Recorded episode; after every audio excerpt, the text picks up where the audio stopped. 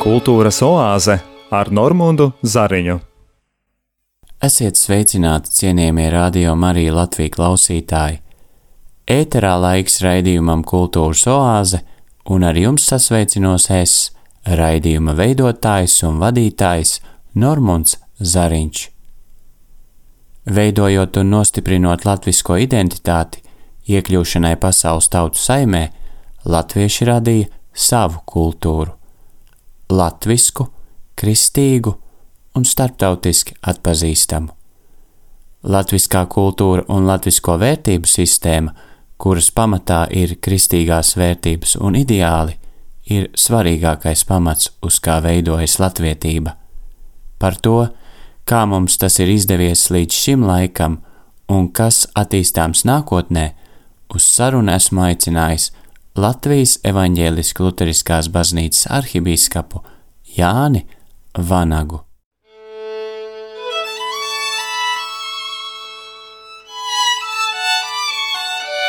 Kultūras oāze Kultūrā un mākslā ir kvalitāte, kas tika izveidota uz kristīgā garīguma pamata. Bez tā nebūtu mums pazīstamo kultūras vērtību no senatnes līdz mūsdienām.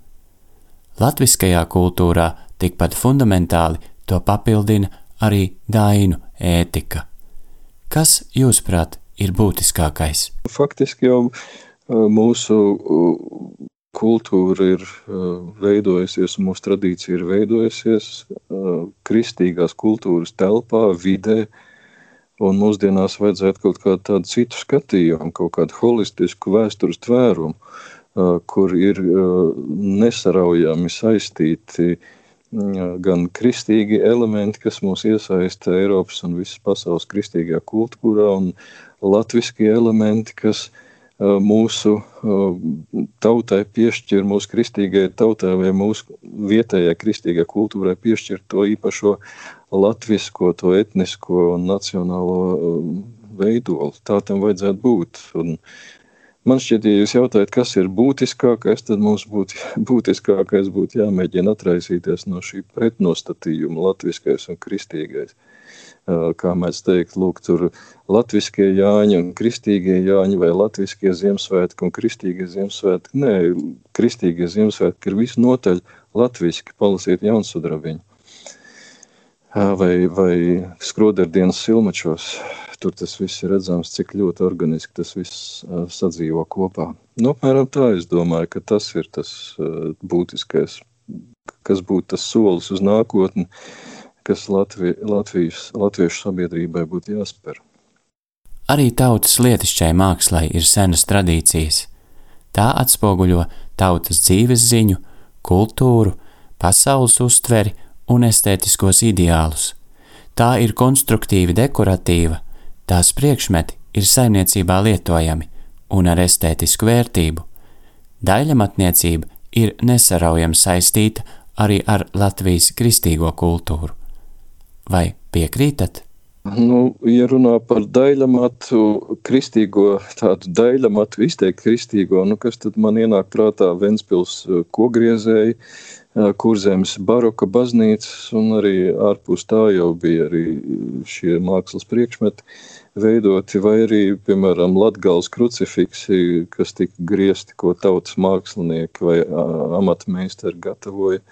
Nu, tie ir tādi izteikti kristis, kristīgi priekšmeti, Un, protams, tā ir ļoti organiska mūsu latviešu, un pat es neteiktu tikai latviešu, tas holistiskais tvērums, par ko es runāju, tas attiektos arī vai integrētu arī vācu baltiešu, jo tā arī šeit bija mūsu vietējā kultūra, kas ir iaudusies, un tā ideoloģiski tas ir mēģināts kas saka, izsiet laukā no mūsu kultūras mantojuma, bet nu, nākotnē raugoties, vajadzētu arī viņus kaut kā ietvert šajā Latvijas kultūra telpā.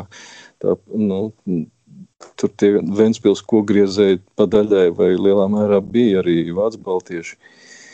Uh, un tie arī, kas pasūtīja šos viņa darbus, kas attiecas uz tādiem uh, sadzīvē lietojumiem priekšmetiem, es uzreiz tā ne, nevaru atsaukt atmiņā kaut ko tādu uh, mm, kur specifiski tā izpaustos kaut kāda latviskā dekoratīva vai estētiskā domāšana vai ideja, bet tur es gribu arī atkal sacīt, ka pat ja tie elementi nav radīti tieši kristīgajai kultūrai, tad viņi ir interpretēti, viss tā estētika ir interpretēta kristīgajā kultūrā, un, un tāpēc arī um, viņi tur neatrau, neatraujam vai neatdalām ir iekšā tā manā uztverē. Ja, lietišķā māksla arī atspogļo uh, to mūsu pasaules uztveri un estētiskos ideālus, kas ir, es domāju, tā kā tēvs un māte ir savienojušies, tā arī mūsu tautas dzīves ziņā un estētikā un ētikā ir savienojušies gan tas etniskais, vai ko mēs varētu saukt par folkloras mantojumu, un arī kristīgais.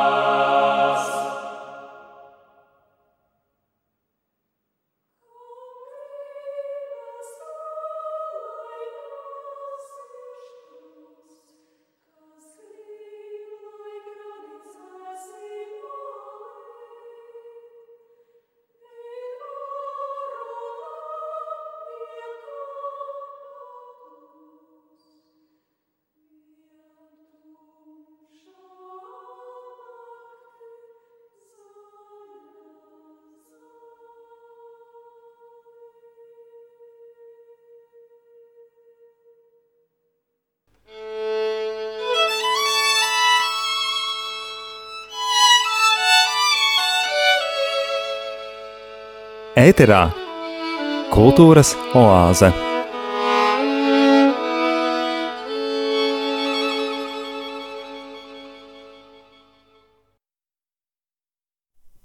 Trešā atmoda Latvijā, tāpat kā neatkarības atjaunošana citās Baltijas valstīs, bija nevardarbīga pretošanās kustība. Tādēļ simboliem un simboliskām darbībām bija jo īpaši nozīmīga loma. Baznīca – kopā ar radošo inteliģenci, akadēmisko personālu un pašdarbības kolektīviem visā Latvijā pildīja ļoti nozīmīgas funkcijas. Latvijas trešā atmoda vienlīdz spēcīgi ietver sevī kā politiskus, tā arī kultūras notikumus.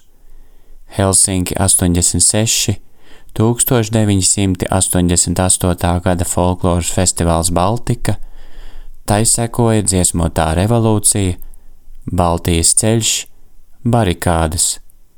Šie ir tikai daži, spilgtākie piemēri.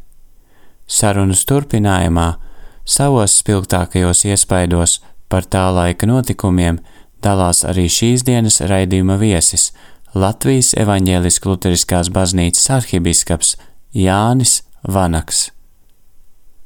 Atmodas process es atceros ļoti labi, jo nu, toreiz, man bija nu, kaut kur starp 25 un 30 gadiem. Tas bija tajā vecumā, tas bija tātad uh, cilvēka aktīvākais apzinātais vecums.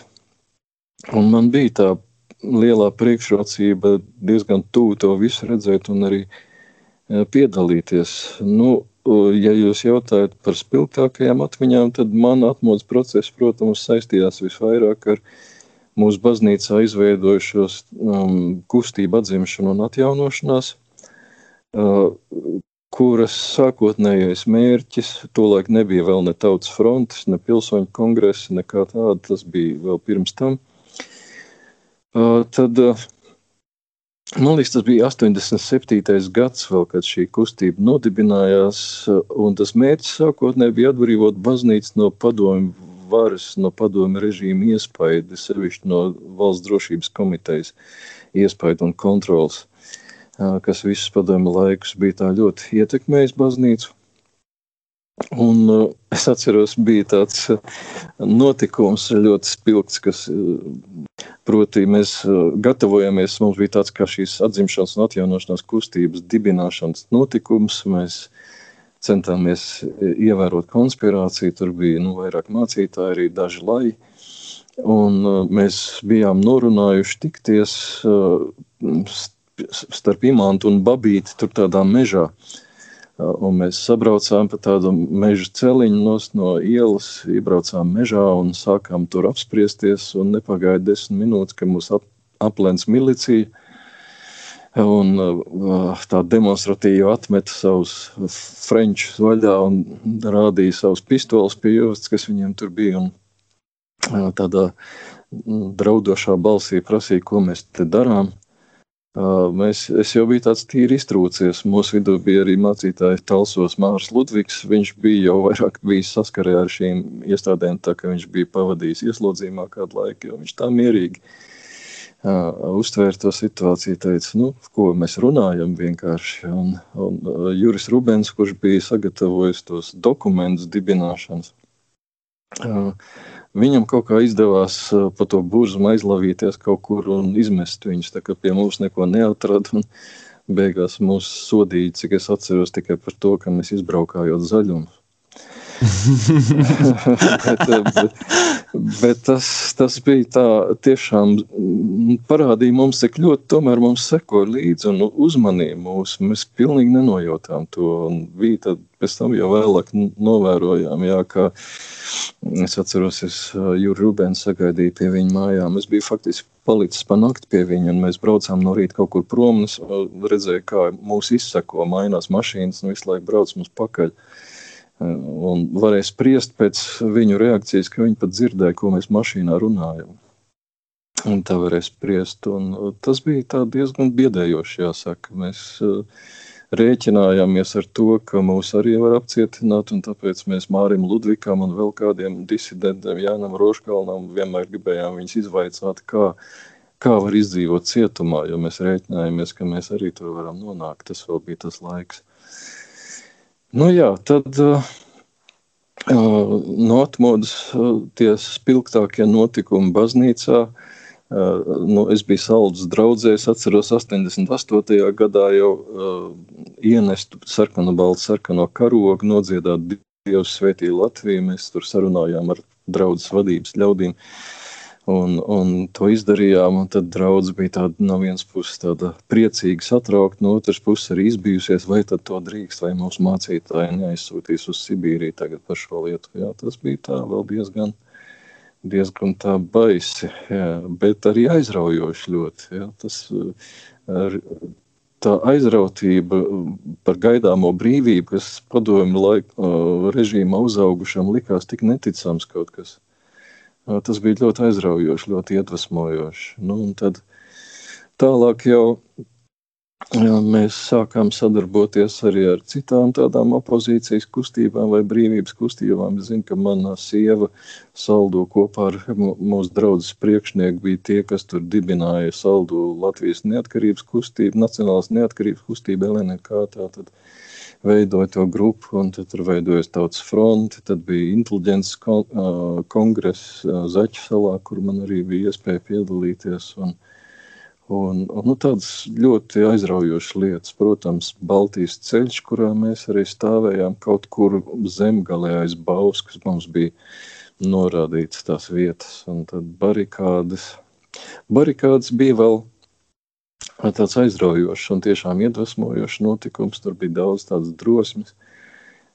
Es atceros gan arī to, uh, ka tad, kad bija tas otrais, nu, tas augusta pučs saucamais, kad uh, internē Gorbačovu un uh, Omons ieņēma uh, radio un televīziju, un kad pārtrūka tā informācijas saite, tad gan bija, tas bija varbūt pats baisākais laiks. Un, un, un ka mēs tiešām nezinājām, kas notiek, nesaņēmām nekādu informāciju. Daudz no tiem, kas tā bravūrīgi bija uzstājušies, pazuda kā peles palām. Tā nobijās diezgan.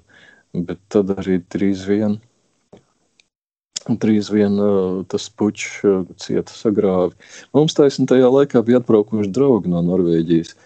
Tādi, kas mācīja, apmācīja mūsu draugus locekļus, ka kaut kādos kristīgos, kristīgās praksēs, prasmēs, kā organizēt draudzes dzīvi. Viņu radinieki Norvēģijā bija ārkārtīgi pārbijušies, ka viņi atrodas, teiksim, padomu savienībā tieši šī puča laikā. Jā, nu un tad, ko vēl baznīca darīja? Baznīcā pilsoņu kongress, kad sāka reģistrēt pilsoņus, tad būtībā jau tas telpas, kur viņi dabūja, tas tā reģistrācija notika ļoti bieži tieši baznīcās, jo, nu, kā es teicu, mēs bijām vienīgā organizētā opozīcija tajā laikā, kam bija draudžu tīkls, kam bija savs izdevums. Starp citu, tad, kad ieņēma preses namu Omons, tad visas Latvijas laikrakstus drukāja mūsu baznīcas tipogrāfijā vienu brīdi. Tā kā arī tādā veidā mēs arī atmodu un tam līdzīgi, mēs, mēs tādā veidā uh, palīdzējām iznest visu to atmodas kustību, visu to, visus tos notikumus. Nu, kultūra ziņā arī, protams, kultūra bija tā iedvesmojošā daļa visā tajā. Viena lieta bija politiskā cīņa, bet otra lieta bija iedvesma, ko gūt tieši no dziesmām, no kultūras. Un tad nebija tā diho, tās dihotomijas, par ko es runāju iepriekš ka neviens nemēģināja tur kaut kā sacīt, ka baznīca tā vai kristietība nav latviska vai kāda. Tanī laikā bija tāds pilnīgi tāds medus mēnesis visiem, visiem ar visiem, tāda liela vienotība. Un, un visiem bija skaidrs, ka baznīca tas ir tāds, vai kristietība tas ir tāds um, brīvības avots, iepratī padomi tai visai propagandai un varai, kas bija pirms tam.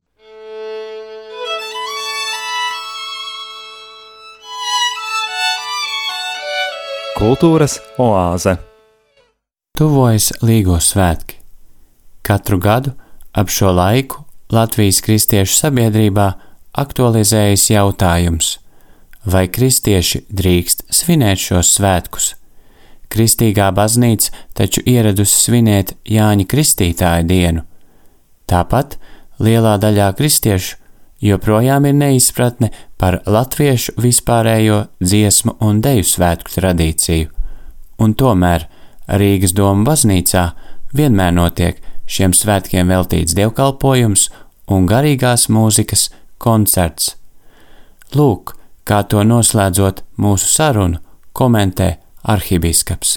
Jāņi vai Līgo svētki nav reliģiski svētki. Ja būtu, ja es tos uztvertu kā reliģiskus, kaut kādus svētkus, pagāniskus svētkus, tad Protams, es tādos nu, nepiedalītos, jo nu, es esmu kristietis un mana reliģiskā dzīve vispār saistās ar kristīgo ticību. Bet man šķiet, ka Jāņus jau neviens sen vairs nesvin. Un es neteiktu, ka neviens, bet principā Jānis, Jāņus jau nesvin kā reliģiskus svētkus pat nekā pagānisku svētkus. Tie ir tautas svētki, kur cilvēki sanāk kopā,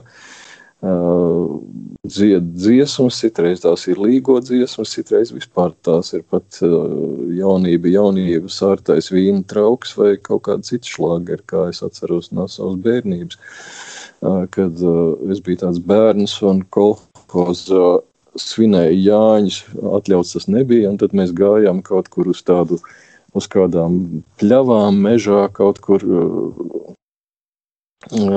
kur no ielas, ne, no, no ceļa nebija redzams ugunskurs, tad tur viss sapulcējās kaut kur kaut kādā apslēptā vietā, un tad dedzināja ugunskuru.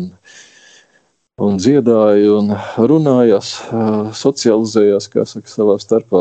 Arī nu, daudz arī iedzēra krietni, kā jau kolekcijas laikos, bet nu, tur nebija pilnīgi nekā reliģiski. Tie bija tautas svētki vienkārši. Un tā es viņus, es domāju, es, es ieteiktu arī viņus uztvert. Nu, par dziesmu svētkiem arī tā. Es zinu, ka tur kādi kristieši bija ļoti satraukušies par to, ka tur ir ienests dzies, dziesmu svētku karoks, kurā ir attēlots kaut kāds pagānu krīvu krīvs vai tam līdzīgi kaut kāds nu, tāds tautiskā romantisma zīmējums. Bet atcerēsimies, ka dziesmu svētkus iesāka uh, Lutāņu mācītājs, Lutāņu draudzē, tie ir mūsu svētki. Un nu, tāpēc, ka kāds tur ir ienesis iekšā kaut kādu karogu, mēs taču neatteiksimies no savas tautas lielākā kultūras pasākuma. Nu, tam ir vieta baznīcā. Mūsu tautas kultūra ir izaugusi no baznīcas, no altāra, un tāpēc nu, mums nevajadzētu tik viegli to atdot un atteikties no tā.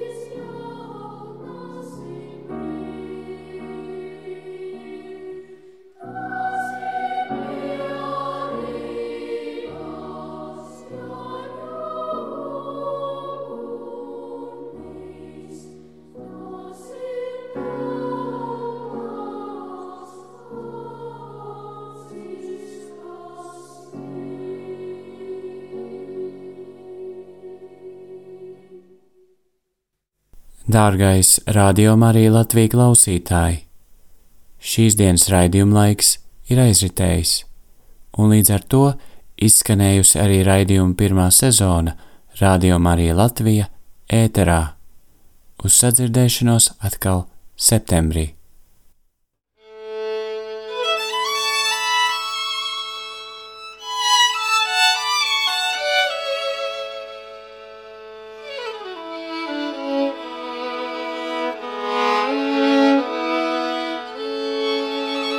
Izskanēja raidījums Kultūras oāze.